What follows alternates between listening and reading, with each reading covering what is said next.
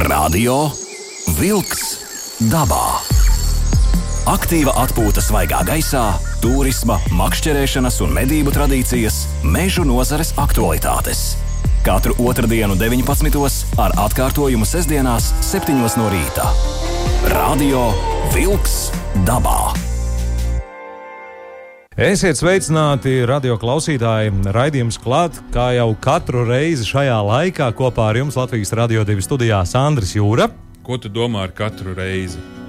Es universāli teicu, gan lai dara otrdienai, gan arī sestdienas rītam. Nu, mums jau dara visi laiki. Mēs esam visu laiku ēterā. Pēc būtības tikai pie mikrofoniem piesēžamies reizi stundiņā.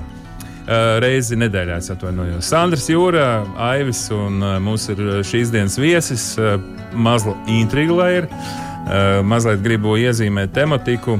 Šodien mēs runāsim par pašu, pašu vai vienu no pašām svarīgākajām vērtībām, kas ir uz zemeslodes. Tas ir ūdens. Tas ir ūdens, draugi mīļie, tas ir dzeramais ūdens.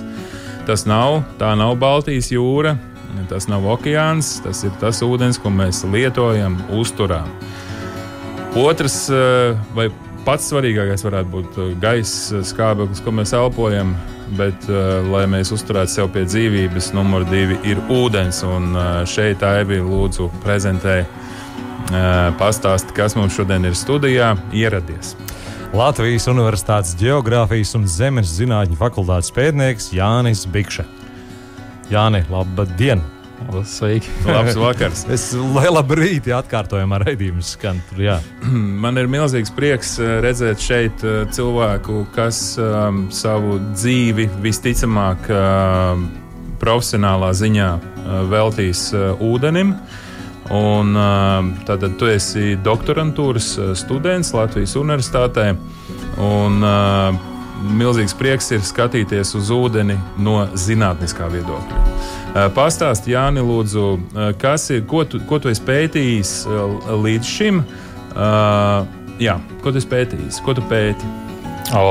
Es diezgan daudz ko esmu pētījis, bet tās visas lietas ir diezgan saistītas ar pazemes ūdeņiem. Jā, tā kā pareizi jūs nu, iezīmē mazliet kaut kādu intrigu. Pazemes ūdeņi, jā, tātad uh, kādas, no kādām šķautnēm tu esi pētījis? Ko tu gribēji izpētīt? Sākotnēji vairāk pievērsos pazemes ūdens ķīmī, ķīmiskiem sastāvam, kas man likās aizraujoši. Es pats esmu no Liepājas, un man, piemēram, viena no sākotnējām idejām ir vai interesēm bija tas, ka, piemēram, ka Liepājā zem zemes uh, ir ūdens nezēslāņi, kuros ir ļoti sāļš ūdens. Mm -hmm. Tāpēc, ka tur ir tā saucamā jūras intrūzija. Un, Un, principā, Liepājas centrālajā daļā ūdens nav lietojams uzturā. Tieši tas, kas atrodas tieši tur zem centrālās daļas. Un, yeah. un, uh, tas man likās diezgan aizraujoši, kā tā, un saprast, kā tas process ir attīstījies. Un, Liepājā vispār ir ļoti augsti gruntsūdeņi. Ja tur grib uh, izbūvēt, teiksim, tā, kad būvēja dzintaru, šo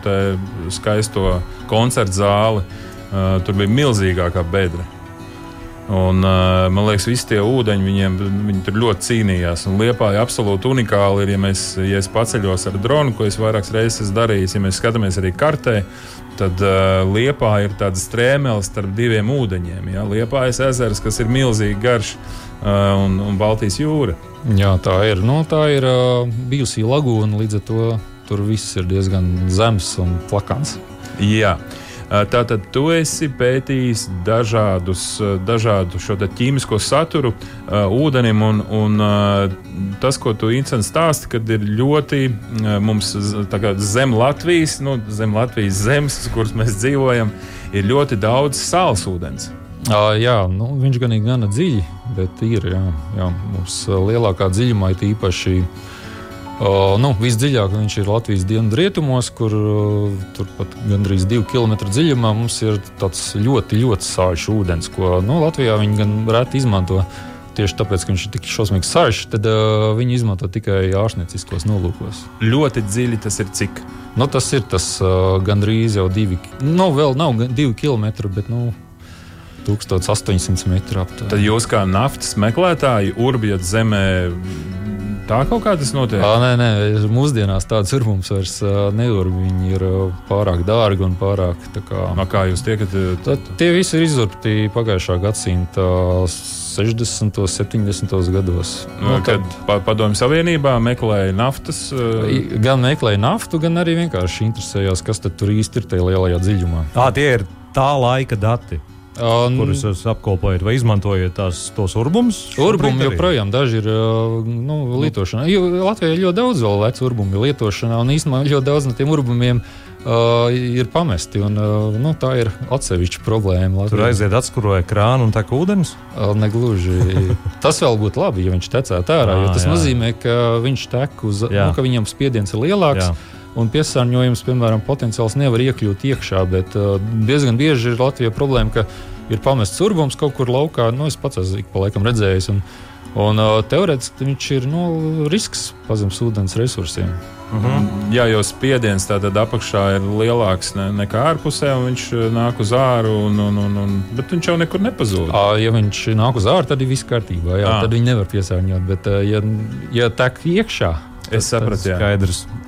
Tātad šodien, draugi mīļie, mēs runāsim arī par avotiem. Mēs runāsim par to, kur Latvijā un kādos apmēram dziļumos ir nu, tā, šis te, dažādi, dažādā dziļumā, kāds ir ūdens, ūdens kvalitāte.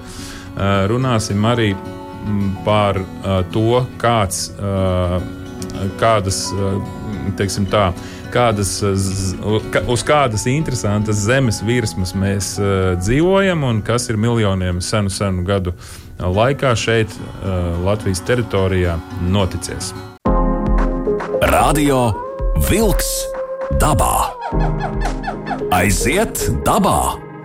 Nu tad aiziet pie ūdeņiem, Latvijas ūdeņiem, mūsu skaistajiem ūdeņiem. Latvija tiešām ir bagāta valsts ar ūdeņiem, un mazliet no šīm pazemes uh, ūdens dzīvēm uh, pacelsimies jau zemes līmenī, un uh, Jāni, parunāsim ar tevi par avotiem. Es zinu, ka tu pēti avotus.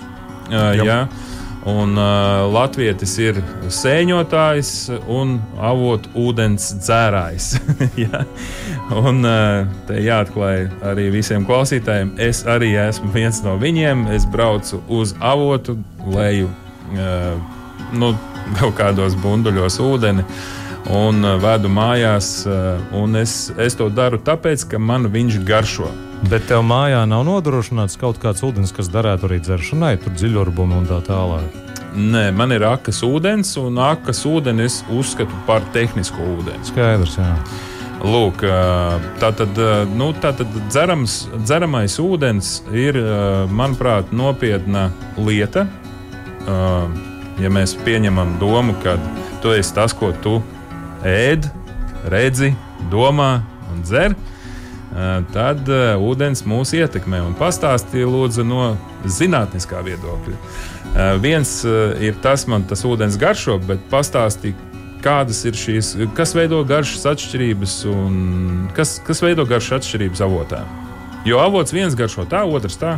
Jā, nu, to visbiežāk nosaka ķīmiskais sastāvs, kādi ir, caur kādiem miežiem viņš ir plūdis. Un, uh, Arī tas, cik ilgi tas ūdens ir pabijis pazemē. Nu, ir avoti, kur ir uh, relatīvi, nu, teikt, turpat netālu lietus ir nolīs, un tad jau viņš plūst ārā. Bet nu, ir tādi, kas no lielāka dziļuma nāk tieši tas ūdens. Uh, labi, pastāstīja no zinātniskā viedokļa, no kā avots izceļas, kāpēc viņš nāk, nāk no pazemes uz augšu, kāpēc viņš tur nevar palikt, kā ir šie pazemes ezeri un tā tālāk.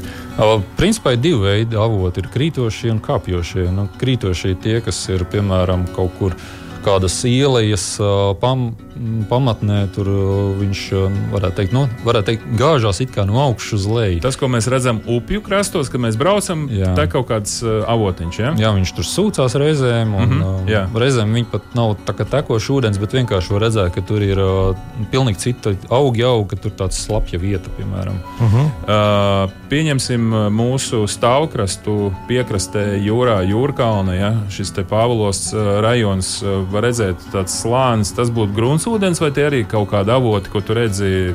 Nu, tur ir 15 metri apmēram uh, krasts, ja? krasta līnija, šie nograustais krasts jūras. O, jā, jā, principā jau avots pēc definīcijas ir jebkurš pazemes ūdens vai gruntsūdens, kurš izplūst ārā kaut mm -hmm. kur.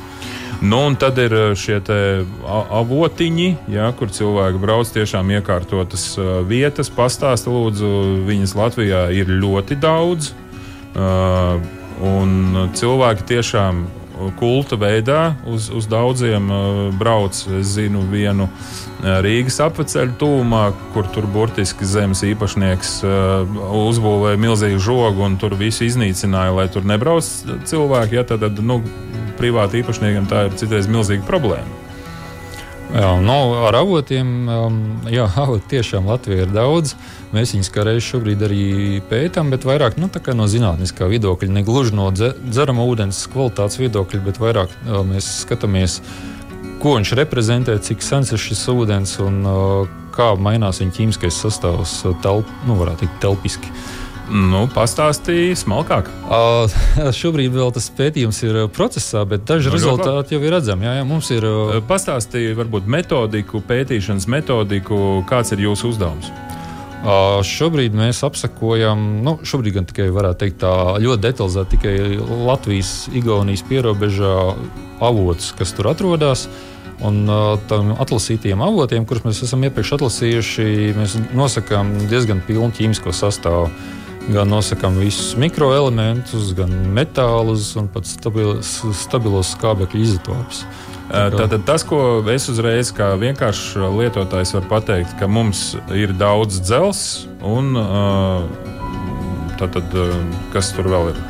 Kaļķis. Jā, jā, jā. Kalcijas, tas ir kā, tad, pam, pamatlieta. Jo citreiz pie avotiem var redzēt, ka ir ļoti nu, teiksim, brūngans. brūngans jā. Un pēc garšas uzreiz arī dzelzs sajūta. Jā. Dzels, tas, jā, tas nāk no visbiežāk no smilšakmeņa, piemēram, gūtmaņa vai jebkurš Labi, cits smilšakmeņa atsakums. Viņi tādi nedaudz iesarkani izskatās. Un tā sarkanā krāsa kā reizi no dzelzceļa savienojumiem. Uh mhm. -huh. Un viņš jau tāds tikpat sarkans ir arī dziļāk pazemē. Un, un, un tā kā tas ūdens tur plūst cauri, viņš viņu tomēr bišķi, bet tomēr šķīdina. Uh -huh. uh, bet pazemē nav skābeklis, līdz ar to tas dzelzceļš ir divvērtīgs. Un viņš ir uh, varētu teikt, mobils. Viņš tur plūst kopā ar to ūdeni. Mm -hmm. Bet tikko avots izplūst virzemē, tā viņš dabūs skābekli, viņš pārvēršas par trīsvērtīgo dzelzi un viņš izkrīt dzelzs daļiņu formātā. Tā tad notiek reakcija, ka viņš tā kā atverās. Jā, un principā viss tas dzelzs, kas ir bijis ūdenī, viņš izkrīt tur pie tā avota ārā. Tas nozīmē, ka īstenībā, ja jūs eh, nokāpsiet pa to avotu, nu, nezinu, pārdesmit metrus zemāk, tur tie ūdenī vairs nebūs nemaz dzelzs, jo viņš jau viss, vai vismaz lielākā daļa būs izkritusi. Mm -hmm. Tas ir īstenībā veids, kā arī darbojas atzelžošanas iekārtas dzerama ūdens sagatavošanā. Un es zinu, ka akā arī ir līdzīgi, ka šī virsma akas ūdenim, viņa arī ir šis reakcija notiek eh, tajā virsmā. Jā, jā nu visur, kur tas skābeklis tiek klāts vai nu, piemēram, ja tu ūdens samājas, tad jau tas skābeklis tiek arī dziļāk. Labi, eh, bez šīm divām eh, sastāvdaļām, kas ir vēl? Garšas.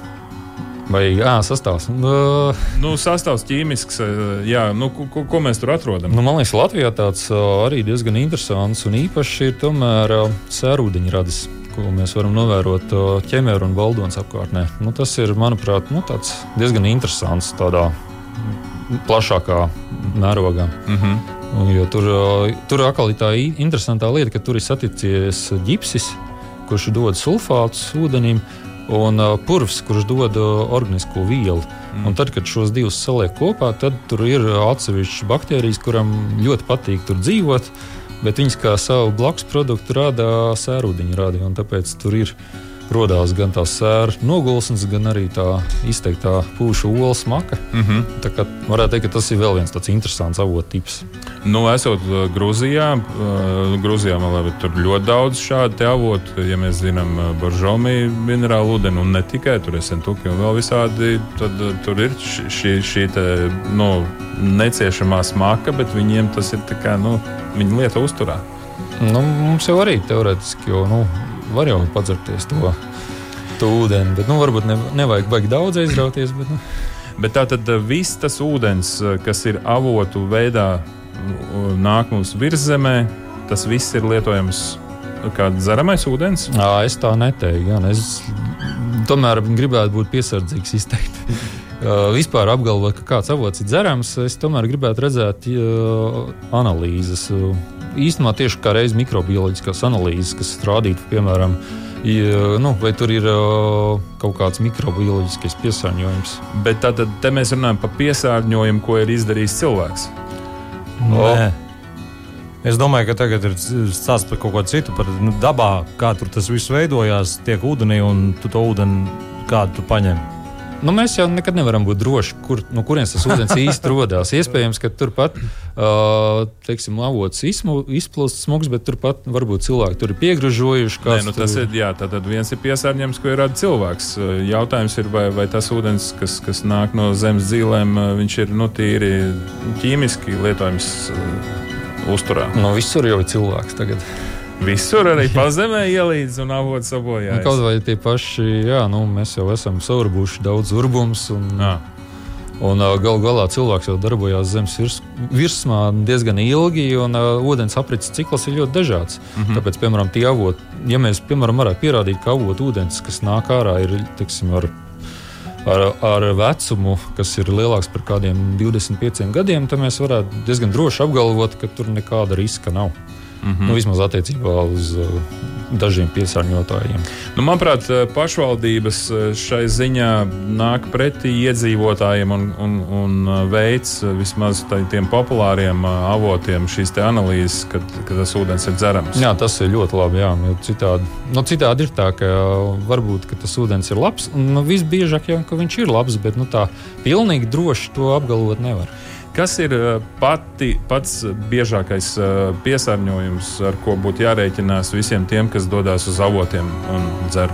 Nu, jā, uzmanās būt no tā mikrobioloģiskā piesārņojuma. Protams, jā, ir domāju, arī citi, bet uh, viņi varbūt nav. Ko viņi tik... izraisa?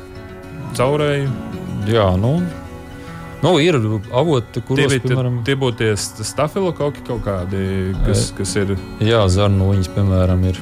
Jā. Kuras ir kā, nu, ļoti bīstams indikators nu, ja tādu sastopam ūdenī, tad noteikti nevajadzētu dzert. Nu, izvārot viņš ir kaut kā. Nu, jā, jā, bet. Nu, Tad tur baigais, uh, baigi darbs jāiegulda. Tad jau labāk es ieteiktu.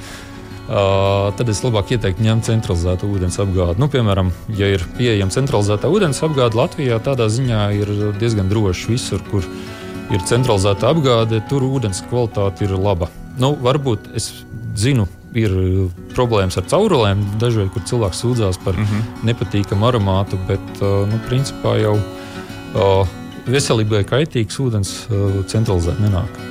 Tu gribi teikt, ka mēs jau Latvijā esam tajā līmenī, ja tad nu, no 90. gadiem, kad atceramies, ka vēl pēc chlora bija īstenībā vēl 2000. gada sākumā bija daudz, nu, daudz dzīvokļu mājās, un, kur centralizēta ūdens. Tādēļ krāna ūdens, kā mēs viņu saucam tautā. Eh, tad tu gribi teikt, ka šobrīd Latvijā ar to nav problēmas. Jā, centralizēta apgādē noteikti nav. Labi. Nu, ko? Tad mēs uh, klausāmies, uh, ko mums ir Aivis sagādājis, un tad turpinam. Pēc brīža meža ziņas. Radio Wolks dabā. Meža ziņas. Valsts meža dienests no 6. septembra atceļ meža ugunsnedrošo laika posmu visā Latvijas teritorijā. Lēmums par ugunsnedrošā laika posmu beigšanu pieņemts, pamatojoties uz hidrometeoroloģisko prognozi, ir iestājies lietaināks un vēsāks laiks, kad ugunsgrēka izcelšanās un izplatīšanās iespēja mežā būtiski samazinās. Lai arī ugunsnedrošais laika posms beidzas 6. septembrī, Valsts meža dienests aicina iedzīvotājus arī turpmāk uzturoties mežā, būt uzmanīgiem ar uguni, jo īslaicīgi var būt savs laiks, kas palielina iespēju izcelties meža ugunsgrēkam. Vienlaikus valsts meža dienests atgādina, ka neskatoties uz meža ugunsnedrošā laika posma beigšanos, mežā ir aizliegts dedzināt atkritumus, dedzināt ciršanas atlikumus vai kurināt ugunskura tuvāk par diviem metriem no augošiem kokiem, dedzināt vai kurināt ugunskura, ja kūdras slānis ir biezāks par 0,5 metriem. Pārtikas un veterinārais dienests pirmdien sācis meža dzīvnieku vakcināciju pret trakumsērgu. Vakcinācijai tiek izmantota vakcīna, kas satur novājināta trakumsērgas vīrusa celmu, kas ir iestrādāta zivju miltu, tauku un parafīna maisījuma iekšpusē. Vakcīna izskatās kā brūngans kubiņš, nedaudz mazāks par sērkociņu kastīti. Vakcīnas ēsmas, izmantojot mazās aviācijas lidmašīnas, tiek izvietotas valsts austrumu pierobežā. Vakcīna nav paredzēta suņiem un kaķiem, tomēr to apēdot, dzīvnieku veselība nebūs apdraudēta. Vakcīna nav bīstama arī cilvēkam un apkārtējai videi, tomēr, ja cilvēks nonācis tiešā saskarsmē ar vakcīnu, kas ēsmas iekšpusē ir šķidra, tā nonākusi acīs vai brūcē, jāvēršas pie ārsta.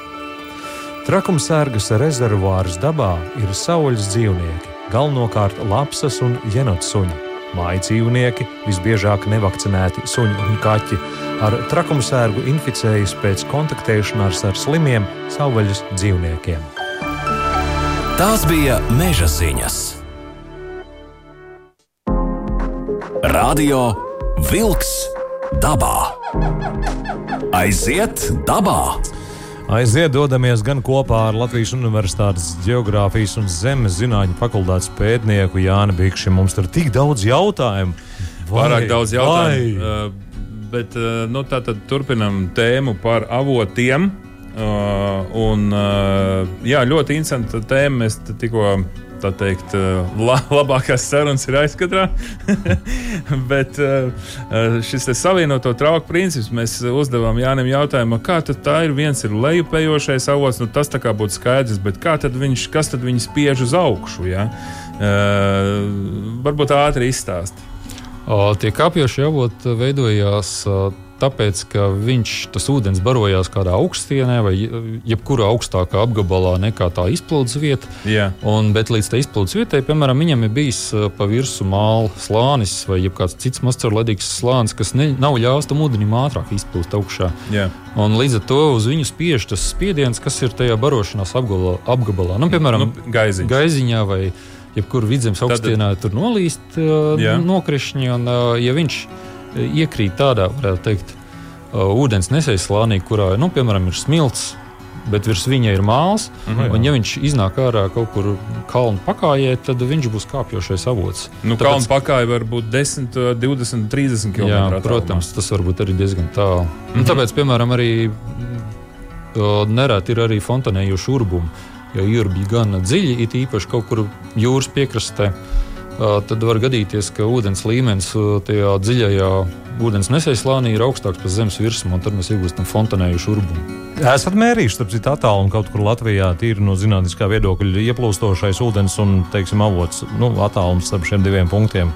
Avotiem mēs to neesam no, darījuši. No skaidrs, bet ir zināms, ka teiksim, liela daļa tie, nu, teiksim, tas ūdens, ko mēs izdam, izmantojam ūdens apgādē, kas ir jā. devons mušakmeņos, kas uzturās, viņš nereti atslogojas Rīgas jūras līcī. Mm -hmm. Tā kā diezgan līča gultnē. Uh, Devons, tas ir pa, kā, pa kādu cik tūkstošiem? Tas ir aptuveni 350 un vairāk miljonu gadu. Mm -hmm. Bet tas ir tikai tad, kad tas iezas veidojās. Ūdens, protams, nav tik sens. Jā. Kā vispār Latvija uh, izskatās? Nē, varbūt pabeidzam par uh, avotiem.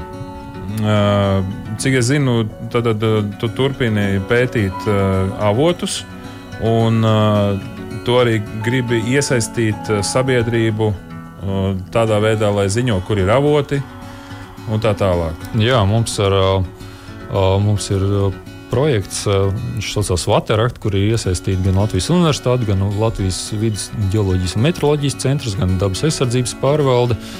Gan arī vidzemes plānošanas reģions, un arī mums ir partneri Igaunijā. Un tad kopā mēs esam nolēmuši, ka uh, vajag uh, veikt, uh, apzināt, kur ir Latvijā avoti. Uzsvers šobrīd ir uz Igaunijas Latvijas pierobežu, bet uh, mēs esam uztaisījuši sistēmu tādu, ka visā, visā Latvijā, Latvijā var ziņot par avotiem. Mm -hmm. Tā ir mājaslapa avoti.info. Jeb Igauni, īstenībā to mājaslapu uztaisīja Igauni, līdz ar to no sākuma viņi bija alikad.info, kas ir no Igauni valodas. Mm -hmm. Un šajā ap, mājaslapā vai aplikācijā viņi jebkurš var ievadīt jaunus avotus, kā arī veikt novērojumus. Mēs kā, arī aicinām cilvēkus ziņot, un principā līdz šim ir pietrūcis tāds plašs datu apjoms, lai spētu izvērtēt, kāda Latvijā īsti ir avoti. Lieliski. Un mēs ceram, ka tas palīdzēs. Lapa strādā, es tagad pārbaudīju. Avoti.info, kas ir svarīgi. Avoti.info. Jā, un tad tālāk tur aiziet izvēlēties valodu. Un... Izvēlēties valodu, un tad, tad, tad, tad vēlreiz ļoti aktīvi aicinam piedalīties tieši Igaunijas pierobežu cilvēkus. Visus, visus. Bet, bet, bet arī visus. Un tad, tad tur var atvērt karti. Jā. Un tur, kur es zinu, kur ir avots, Tur es lieku punktiņu, ja? Jā. un uh, aprakstīšu kaut kāds. O, varu pats ierakstīt aprakstu, jā, var fotografijas pievienot, kas īstenībā, starp citu, reizēm ļoti vērtīgi. Ah, fotografija tieši jā. kā izskatās. Tas... Jo, kas ir, jo kā jūs, jūs tad geogrāfi, labi, cilvēks var kļūdīties mazliet, un, un varbūt tur jau ir atzīme ielikt, ja? Mm -hmm. Tad mē, mēs jau redzam, atverot šo aplikāciju, mēs jau redzam, kur ir iezīmēta avoti. Jā, tur jau diezgan daudz jau ir salikti. Mm -hmm. Aha, okay, tad mēs varam pārliecināties, vai, uh, vai mūsu avots, ko mēs zinām, ka viņš tur ir, vai kāds jau viņu ir ievietojis. Jā, vai arī ļoti iespējams, ka nav. Tad nu, būtu vēlams, ka kāds viņu ieliek. Jo nu, apzināti mēs, piemēram, nevaram visus avotus apbraukt. Paši. Un tad tālāk, ko jūs darat? Jo, manuprāt, bija kaut kāda avotu karte, Latvijas avotu, nu, kur brauc dzert ūdeni. Bet, nu, labi, šeit tomēr ir zinātniska informācija. Jūs tālāk izmantojat šo informāciju kā? O, jā, nu, mēs. Starp citajā lapā ir arī informācija, kā jebkurš var veikt ar vienkāršiem līdz pat kaut kādiem sarežģītākiem rīkiem avotu ūdens kvalitātes novērtējumu. Nu, ir, piemēram, nu, piemēram, ir tie lakmus papīriņi, lai pH, piemēram, noteikti tas ir visvienkāršākais veids. Jā. Bet, nu, reizēm, piemēram, skolās jau ir pieejami arī gudrāki instrumenti, ar ko var noteikt nu, kaut ko vairāk. Piemēram, elektrovadītspēja, mineralizācija, temperatūra nu, es... ir svarīgs parametrs arī. Ar, kāda ir temperatūra šim ūdenim, Jā. kas, kas, kas nāk? Okay. Un īstenībā viens no vērtīgākajiem parametriem ir spainīša metode. Tas ir Tas ir tā, ka mēs nomēram ūdens caurplūdumu, cik daudz ūdens plūst ārā. Mm -hmm. Mēs, piemēram, paņemam spaini ar zināmu tilpumu. Nu, jā, protams, litri, jā, 5 litri. Jā, vai. un uzņemam laiku, Uzņemam. cik ilgā laikā viņš ah. piepildās, un mēs varam aprēķināt, kāds ir ūdens caurplūduma ātrums. Nu, protams, to var darīt tikai krītošiem avotiem, kur nu, ir kaut kāda renīte, nu, jā, nu, jā, jā. izdarīt. Bet, bet šis parametrs, starp citu, ir ļoti vērtīgs. Viņš ar tāds... ko viņš ir vērtīgs? Viņš, ja viņu veids dažādās sezonās, viņš spēja līdzināt par to, vai avots ir stipri atkarīgs no, klima, no, no sezonālām svārstībām vai nē. Labi, jā. ja caurplūdums nemainās sezonāli, tad viņš ir dziļš visdrīzāk viņš nāk no lielāka dziļuma, un viņš varētu būt drošāks nekā tie, kuriem stipri mainās šis. Aha, elementārā matemātikā. Un te nedaudz vēlreiz noslēdzot pavotiem un, un šo piesārņojumu, kas ir, domāju, pa, pats pats svarīgākais rādīt. Es domāju, tieši to bīstamo piesārņojumu, ja, dažādas sliktās baktērijas, kas var, kuras diezgan daudz tiek atrastas šajos avotu ūdeņos. Un tad mana tā filozofija ir tāda, ja apkārt ir uh, lauksaimniecības lauki, uh, pilsēta, mm, kāda izgāstuve vai, vai, vai kāds uh, vai kūts kaut kāda. Tad visticamāk, caur šiem zemes slāņiem nu, šīs baktērijas nu, tā vai citādi, kaut kā nonāk līdz tam avotam. Vai man ir patiesība? Jā, nu, tās būs ne tikai baktērijas, bet, piemēram, lauksaimniecības gadījumā tie būs arī piemēram, nitrāti, nitrāti vai jā. fosfāti. Tad tā jau ir nu, tiksim, bīstama ķīmija. Tā nav bīstama. Tur ir dzerama ūdens limiti, kas ļauj, piemēram, līdz nitrāts mēs drīkstam dzert līdz 50 mg litrā. Bet, nu, mm -hmm. O, vairāk nav ieteikts, vairāk nedrīkst, jo īstenībā nu, viņš gan sāk kļūt bīstams. Nu, bet ir pētījumi, kas liecina, ka arī pie mazākām koncentrācijām nevajadzētu tomēr lietot uzturā. Bet... Mm -hmm. Bet ir avoti, kuri ir neapdzīvotās vietās, mē, nu, teiksim, mežā, tad tur mēs varam jau gan drīz vai diezgan droši paļauties. Drīzāk, jā, bet no nu, atkal jāņem vērā, ka tas saticis basēns, no kurienes tas ūdens varētu būt saticējis, jeb atnācis, varbūt viņš ir liels un viņš aizskar kādu izgāstu vai lauksaimniecības zemi. Radio Wolks dabā. Aiziet dabā! Turpinām sarunu ar Jāni Bikši, Latvijas Universitātes doktorants eh, un tā tālāk. Tātad eh, cilvēks, kas pēta ūdeni. Un es ceru, ka mēs ar tevi atgriezīsimies vēl eh, pie ūdens sarunām, kad tu būsi kaut ko jau izpētījis. Starp citu, tas Igaunijas projekts kopā viņš kad noslēdzas. Mm, viņam nākošā gada, man liekas, vidū Nu, aptuveni. Nu, tad mēs tiekamies jau 22. gadā ar jau secinājumiem. Mhm. Uh, ūdens, ūdens, bet sausums. Uh, daudz stāsta, ka pazūd akās ūdens, pazūd ne tikai akās ūdens, pazūd ūdens dīķos, uh, lielos dīķos, krītās tā saucamie gruntsūdeņi, nu, kur kādreiz kā, cilvēks visu dzīvi dzīvojis. Tur bija ūdens visu laiku, visu vasaru, un pēkšņi nav. Paskaidro, lūdzu, kur pazūd ūdens. Kurš viņu kurš viņu aizsūta prom no mums? Drīzāk jau jāsaka, ka viņi neviens nav aizsūtis, viņi neviens nav atstūmis šurp. Nu, tas pat drīzāk varētu būt iemesls. À. Ka mums, teiksim, parasti pazemes ūdeņiem tie zemākie līmeņi novērojami tad, kad ir sausie gadi, kad arī nokrišņi ir mazi. Nu, es atvainojos, šo, šī vasara bija tāda. Pusotras mēnesis nokrišņi faktiski nebija. Jūnijas, jūlijas, jā, jā, tie bija. Nu, pastāsti. O, jā, nu, Pazemes ūdens īstenībā viņš jau nav kaut kāds unikāls tādā ziņā, ka viņš tur ir un mūžīgs resurss. Viņš diemžēl, nu, vai par laimi, bet nu, ir atkarīgs arī no virsmas procesiem. Un nu, visciešākais ir nokrišņu daudzums. Tas nozīmē, ka, ja nokrišņi nav, tad arī pazemes ūdens resursi nepapildinās. Bet, protams, viņš ir daudz, varētu teikt, ar lēnāku reakciju. Nu, piemēram, ja mums ir uznāk baigais sausums, tur izkalst lauki, mm -hmm. nu, piemēram, 2018. gads bija Jā. ļoti sauss. Nu, tas bija rekordsauss gads. Uh, vispirms, 19. gadā mēs to tikai sajūtīsim? Nē, nē 19. 19. gadā arī bija vietas Latvijā, piemēram, kaut kur Dienvidu kurzemē, kur arī bija ļoti sauss arī 2019. gadā. Bet 18. gadā bija, nu, varētu teikt, visā Latvijā ļoti sauss. Rekordi krita. Jā. Un, uh, piemēram, šādā gadā, protams, to sausumu visātrāk izjūt. Augsne un, varētu teikt, virsīgie slāņi, bet pazemes ūdens vēl kādu brīdi tur turās. Ah. Tad, laikam ejot, ja tas sausums turpinās, tad lēnām, lēnām tas sausuma signāls, jeb tas līmenis beidzot sāk kristies arī gruntsūdeņos. Nu, un, protams, ja, ja tas ir piemēram sekls urbums vai sekla aka, tad tas, protams, diezgan ātri parādās tās sekas. Nu, ja ir dziļi urbumi, tad to pat vispār var nejust, ka tur kaut kas ir nu, nomainījies. Kā Latvija izskatās uh, ūdens, ūdens kartē vai ūdens kvalitātes uh, kartē?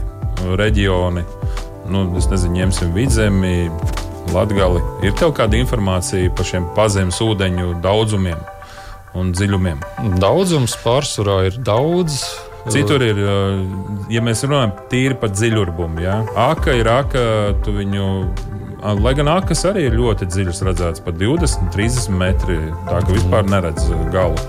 Jā, nu, ja mēs tieši runājam par dzeramo ūdeni, nevis par visiem pazemes ūdeņiem, jo visur Latvijā var atrast kaut kādu ūdeni. Nu, Tātad, jebkurā vietā, kur tu Latvijā ar to urbīti urpsi, ūdens būs sāļš vai salds, bet kaut kāds ir. Izejam cauri, jo tie, tie, man liekas, tie pirmie desmit metri ir tātad, nu, tas pirmais, pirmais ūdens, jo citreiz eh, tie urbēji viņi saka, tā, stop tālāk mēs nevaram, jo tad mēs izursimies jau tālāk, jau tur būs cits, jau, cits pasākums. Nu, tā var būt, jā. Nu, tas ir eh, diezgan atkarīgs no vietas. Nu, jā, jā, es runāju, bet nu, tā mm. provizoriski ir kaut kāds slānis, tas pirmais. Jā, nu, tie pirmie parasti ir tā saucamajos kvartāla nogulumos, kas ir uh, nogulumi, kurus veidojas ledājs. Tur ir uh, gan ledājs, gan ledāja kušanas ūdeņi, kas sastāv no smilts, grāns, un tad tur ir uh, morēna, reizēm arī uh, māla nogulumi. Uh mhm. -huh. Tad skaidrs, ka tie ūdeņi labākie ir tajos smilšainajos, granšainajos nogulumos. Jau nākamajā.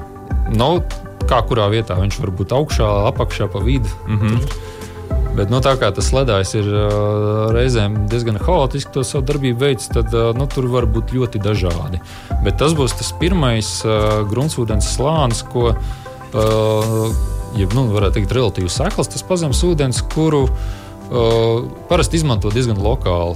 Izmanto akās, uh, tā, bet, teiksim, ja gribi centralizētā ūdens apgādē vai tādu nopietnāku resursu, teiksim, kur, kam var tiešām uzticēties, nu, tad ir jārūp dziļāk, kas ir jau tie pamatīgi.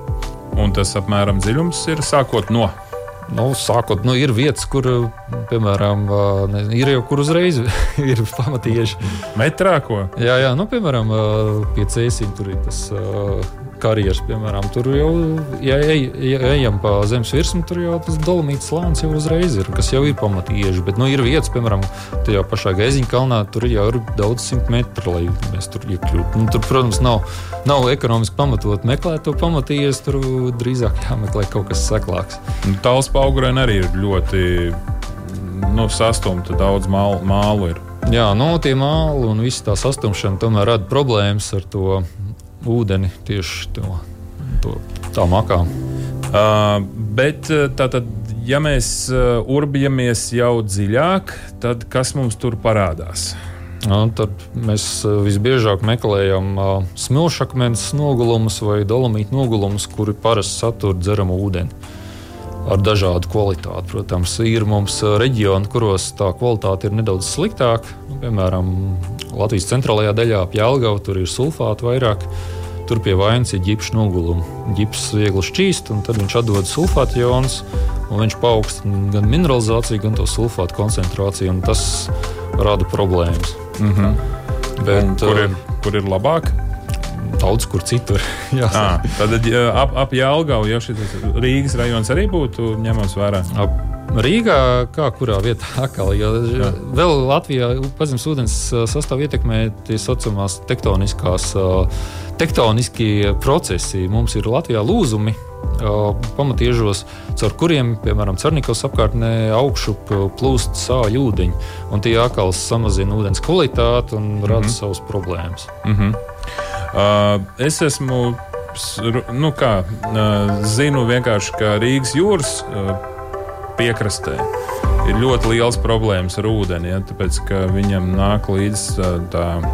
uh, krāsa. Nu, tā nav krāsa, bet tonis ūdenim, ja tāds rūsgans. Uh, un ka tur ir diezgan slikta ūdens kvalitāte. Es domāju, tieši pa kurzemes piekrasti. Mm -hmm. nu, visdri, visbiežāk to brūno krāsu nodrošina um, organiskās vielas, kaut kādas humus vielas. Vai kaut kas, kaut kas tāds, kas ir bijis nogulumos. No piekrastē tur visbiežāk ir kaut kādi seno Latviju, Baltijas jūras stadiju nogulumu, kuros, piemēram, Litorīnas jūras nogulumos, tur mēdz būt organiskā viela. Un, nu, viņi attiecīgi dara savu lomu un piekrāso, varētu teikt, ūdeni.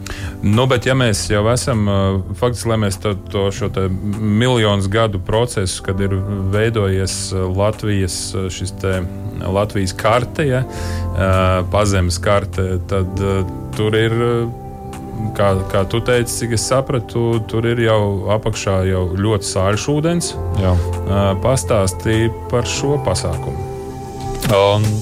Jā, nu, mums Latvijas dziļākajos, dziļākajos nesēslāņos, kas ir parasti Kembrija, Venda ūdens nesēslāņi, tajos ir sastopami, varētu teikt, ārkārtīgi sāļu ūdeņi. Tie saucamie sāls ūdeņi, kuriem mineralizācija ir pat vairāk kā 100 gramu litrā. Tas ir ļoti daudz.